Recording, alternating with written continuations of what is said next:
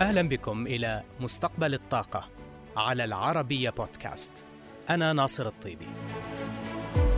نسعى في هذا البرنامج إلى المساهمة في الحوار الدائر حول عملية التحول في مجال الطاقة عالميا نحو مستقبل خال من الانبعاثات يضمن أمن المناخ وأمن الطاقة.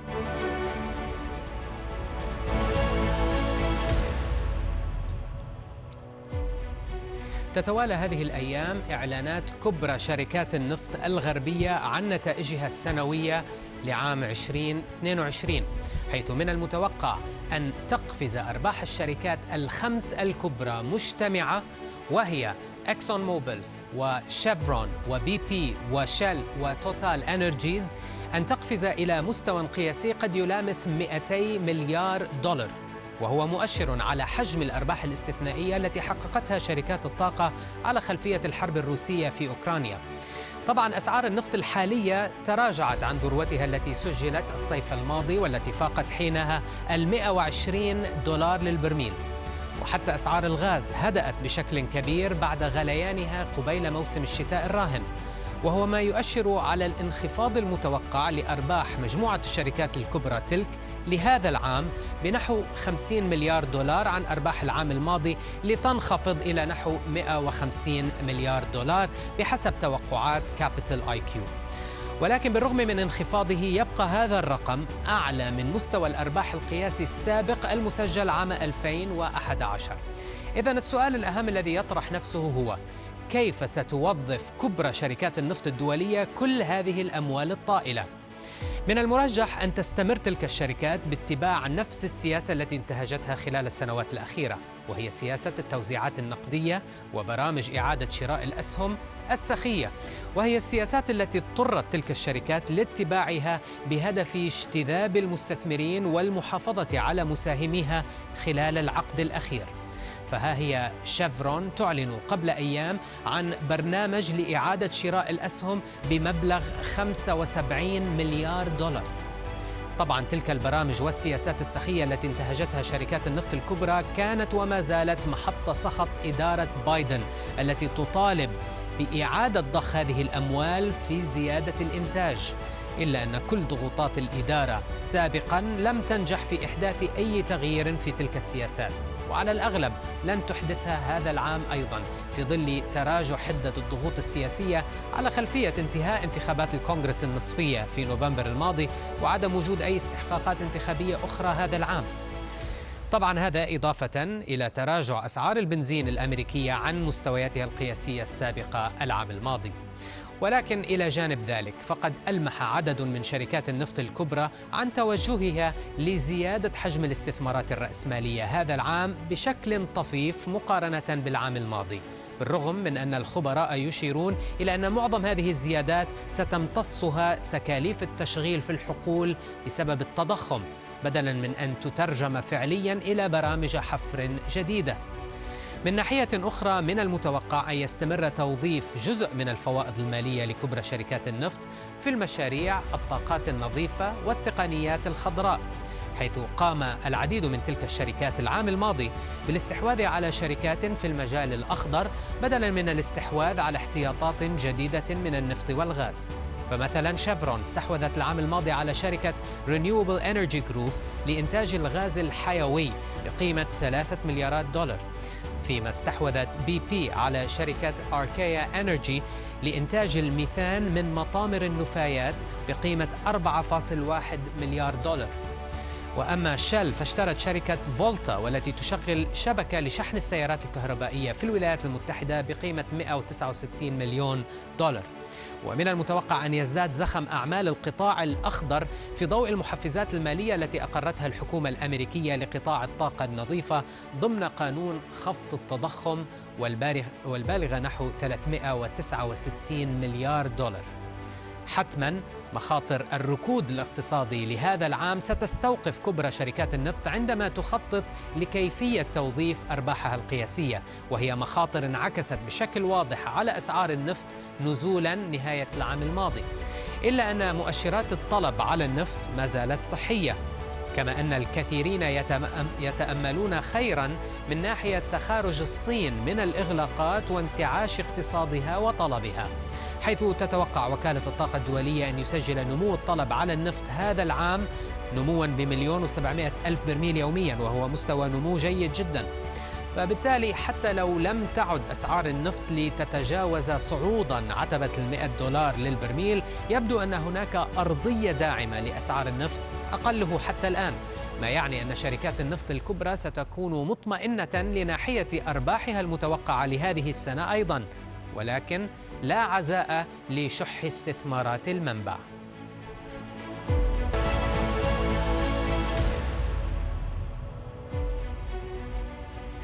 الدورة الكبرى للسلع سوبر سايكل مثل النفط والغاز مفهوم يطلق على سنوات تشهد قفزات كبيرة للأسعار وطفرة للاستثمار فيها نتيجة الطلب القوي عليها. ضيفي جيف كوري رئيس أبحاث السلع في جولدمان ساكس يعد من أشهر الباحثين في العالم في أسواق السلع. لديه وجهة نظر جديرة بالاهتمام تشير إلى أننا دخلنا بالفعل في دورة كبرى أو سوبر سايكل للسلع. ستكون الثالثة بعد دورتين سابقتين في السنوات السبعين الماضية. مظاهر هذه الدورة أن أسعار النفط والغاز والمعادن والسلع الأخرى بدأت بالارتفاع منذ نحو العامين لكن الاستثمارات متأخرة بسبب عدد من العوامل. سيأتي تفصيلها في المقابلة. بالتالي نحن أمام سنوات ملتهبة لأسعار النفط والاستثمارات فيه. دعونا نستمع إلى نظريته في هذا المجال. I've come to the conclusion that a super cycle is nothing other than a capex cycle, um, where you have large scale investment. And if we think about the two super cycles that we observed over the last 70 years, one occurred between 1968 and 1980 for 12 years. Um, many people are familiar with that one. The other one occurred 2002 through 2014. Ironically, also 12 years. But when you look at a chart of global capex divided by global GDP to capture a capex cycle, and you overlay that with metals prices over the last 70 years, the two correspond perfectly, which is telling you really what's happening here is you have large scale um, investment. And the way we're beginning to think about it is don't think about it from the commodities, but think about it from the equities mm. instead. What does the 1960s, the 1990s, and the 2010s all have in common? They were very large new economy equity bubbles. It was the Nifty 50 in the 60s, which at that point in time, new economy was Coca Cola. It was brands mm. like LVMH is today. And in the 1990s, it was the dot com boom. And in the 2010s, it was the FANG boom. But what they all did was they choked off capital to the old economy, mm. meaning oil, gas, metals, mining, and the rest of them, such that they were very underinvested as you went into the 70s or in the 2000s and, or into the 2020s. And all it took was a demand event Demand event in 1968 was LBJ's Great Society. The demand event in the 2000s was China's admission to the WTO. And the demand event this time was COVID stimulus. But they all did the same thing draw down inventories, exhaust spare capacity, and leave the market very vulnerable to future demand growth. إذا جيف كيف تختلف هذه الدورة الكبرى في السلع عن سابقاتها؟ Okay, when we think about the underinvestment component on the supply side, um, they all had the the lack of investment going into the demand boom. Um, what one is going to make this one more complicated is the overlay of environmental policy that makes it very difficult to attract capital into the sector. You know, I like to point out, you look at, you know, oil prices, you look at um, metals prices, commodities were up, you know, 26% last year and the year before, 42%. The return in energy equities was 60%. Yet what happened to real capex over the course of the last year? It went down. It went down in 2021 as well. Mm. So we're not getting that response in investment that you would typically get. I do want to put a caveat here. If you go back to the cycle in the 2000s, the prices moved in 02. The capex didn't come to 05. People simply did not believe in the sustainability of the story. Very similar to what they are right now. It's hard, you know, and I don't know if it's ESG related or if it is people have a bad taste in their mouth of oil and commodities. Let's not forget energy sector destroyed 54 cents on every dollar invested over the previous decade and that's entrenched in many investors minds mm. البعض يرى بأن حدوث دورة كبرى في السلع تحتاج أسواق السلع لإظهار ثلاث مؤشرات أساسية هي ارتفاع قوي في الطلب ارتفاع في الأسعار وارتفاع في المعروض جميعها بالتزامن ويشير هؤلاء بأن أسواق السلع حاليا تفشل في تحقيق تلك المؤشرات الثلاث كيف ترد على ذلك؟ Um, I find surging supply a difficult argument because the 70s was underinvestment across the entire space. The 2000s, underinvestment across the entire space. And today, underinvestment across the entire space. So I don't buy into the surging supply. Let's go to the um, to the question about surging demand. Mm. Yes, you had surging demand in 1968 with LBJ's Great Society, but throughout the 70s, it started to taper off. By the way, for, for many of your listeners, I like to remind people the first attempt at an OPEC oil embargo occurred in 1967. There wasn't enough demand to make it work. Mm. It didn't work until 73 after five years of LBJ's Great Society. What about the 2000s? It was China's admission to the WTO. What about the current environment?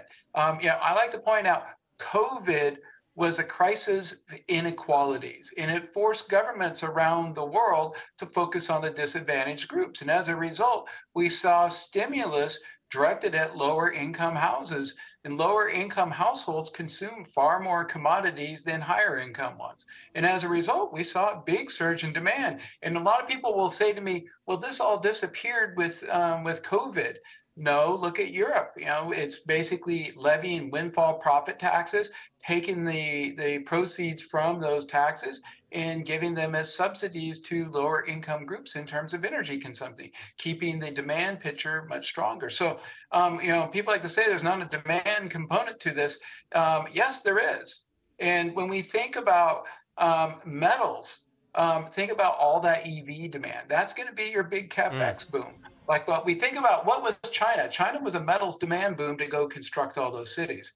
This one's going to be a metals demand boom to go construct um, EVs and decarbonization and green technologies. Um, very similar to what China was. In fact, we argue that the demand for green capex this decade is bigger than the demand for capex during the China boom years of the 2000s. And then the decade after that, it's two times China. So um, I really push back against the there's not demand for commodities. Mm. Uh, it's going to be enormous amount of demand for commodities um, going forward.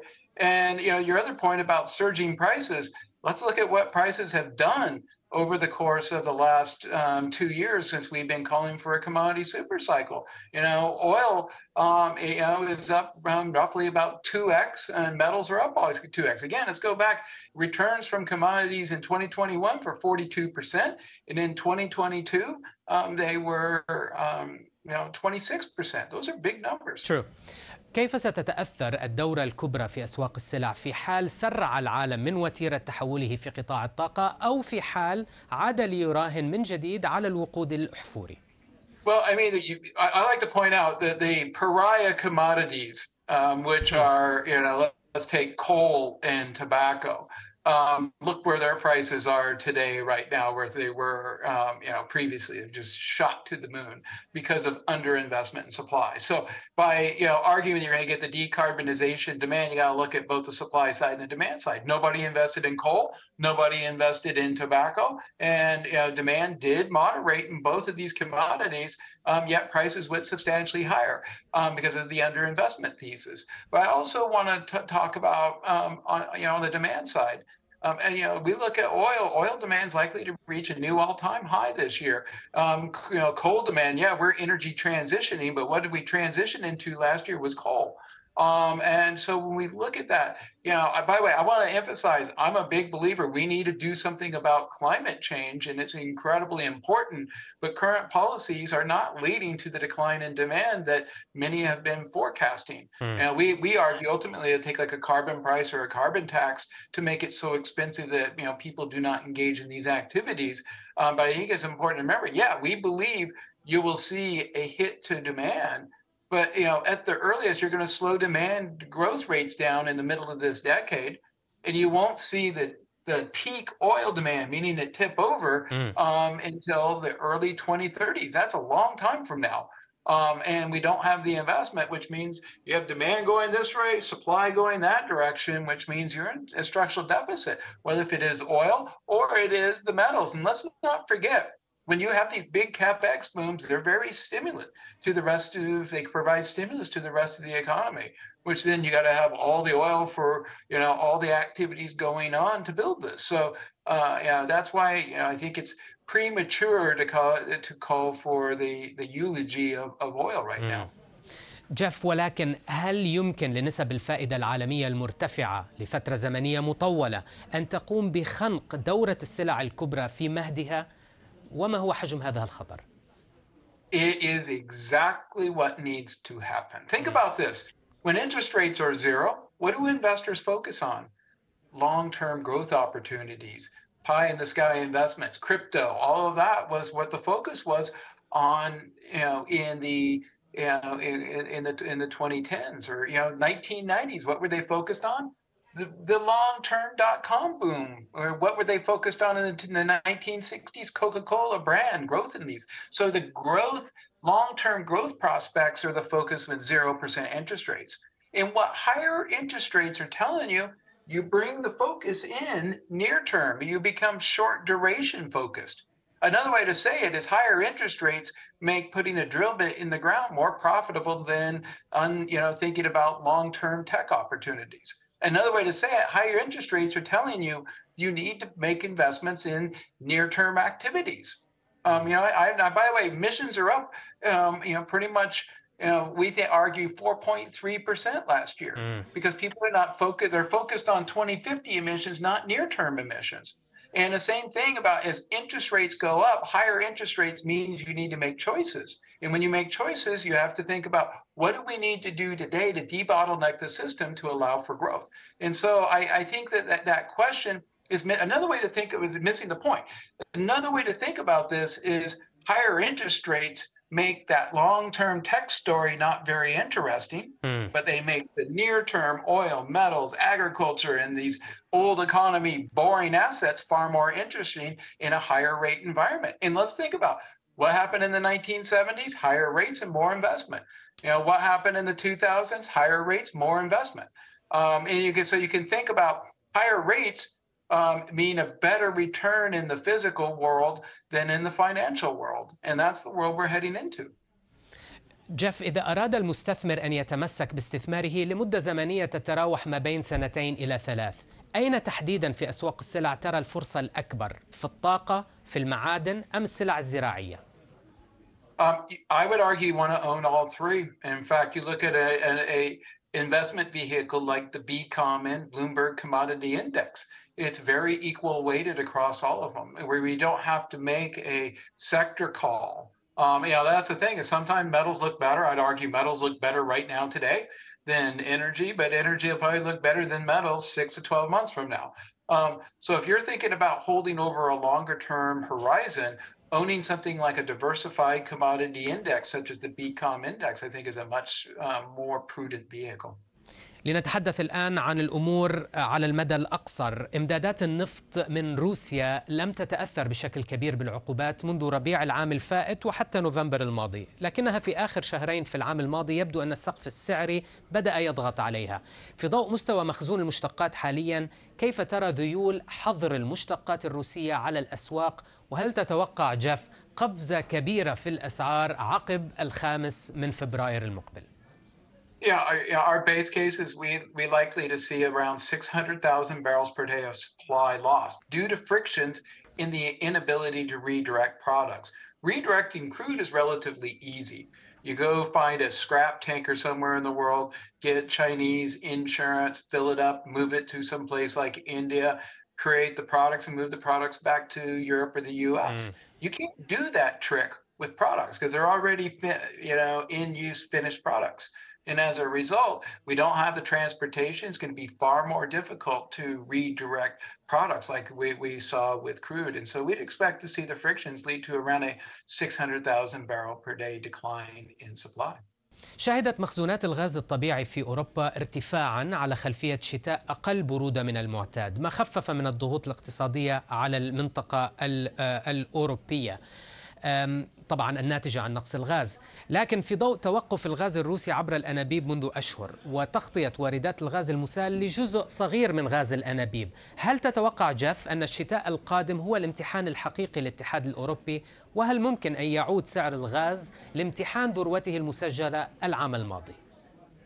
Um, I think retesting the 2022 highs will be difficult um, as we look into the winter 2024 period. Um, we do think you'll regain, re, resume tightness in that winter period, barring again another warm winter. Um, but I think the more important point for oil and metals and everything is Europe has a runway now before it runs into problems. It can make it about a year. And I, you know, I, the other important point that you didn't bring up, I would put it way above Russia. It's mm. China. What was the biggest event that occurred to commodities in 2022? Mm. It was China, not sure. Russia. China the world's largest commodity consumer, the world's largest oil importer, the second largest economy in the world, shut down. Um, and the loss in demand from China was three times that of the potential losses out of Russia.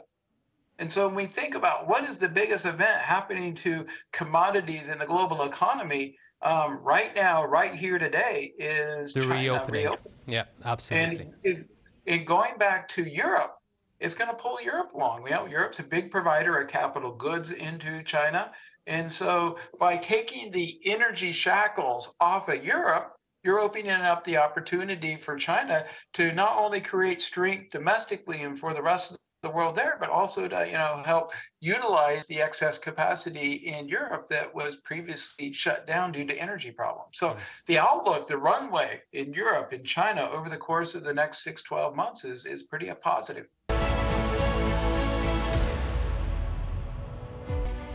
جيف كوري من جولدمان ساكس بهذا مشاهدينا نأتي إلى ختام هذه الحلقة من مستقبل الطاقة. دائما تابعونا على تويتر تحت وسم هاشتاج مستقبل الطاقة.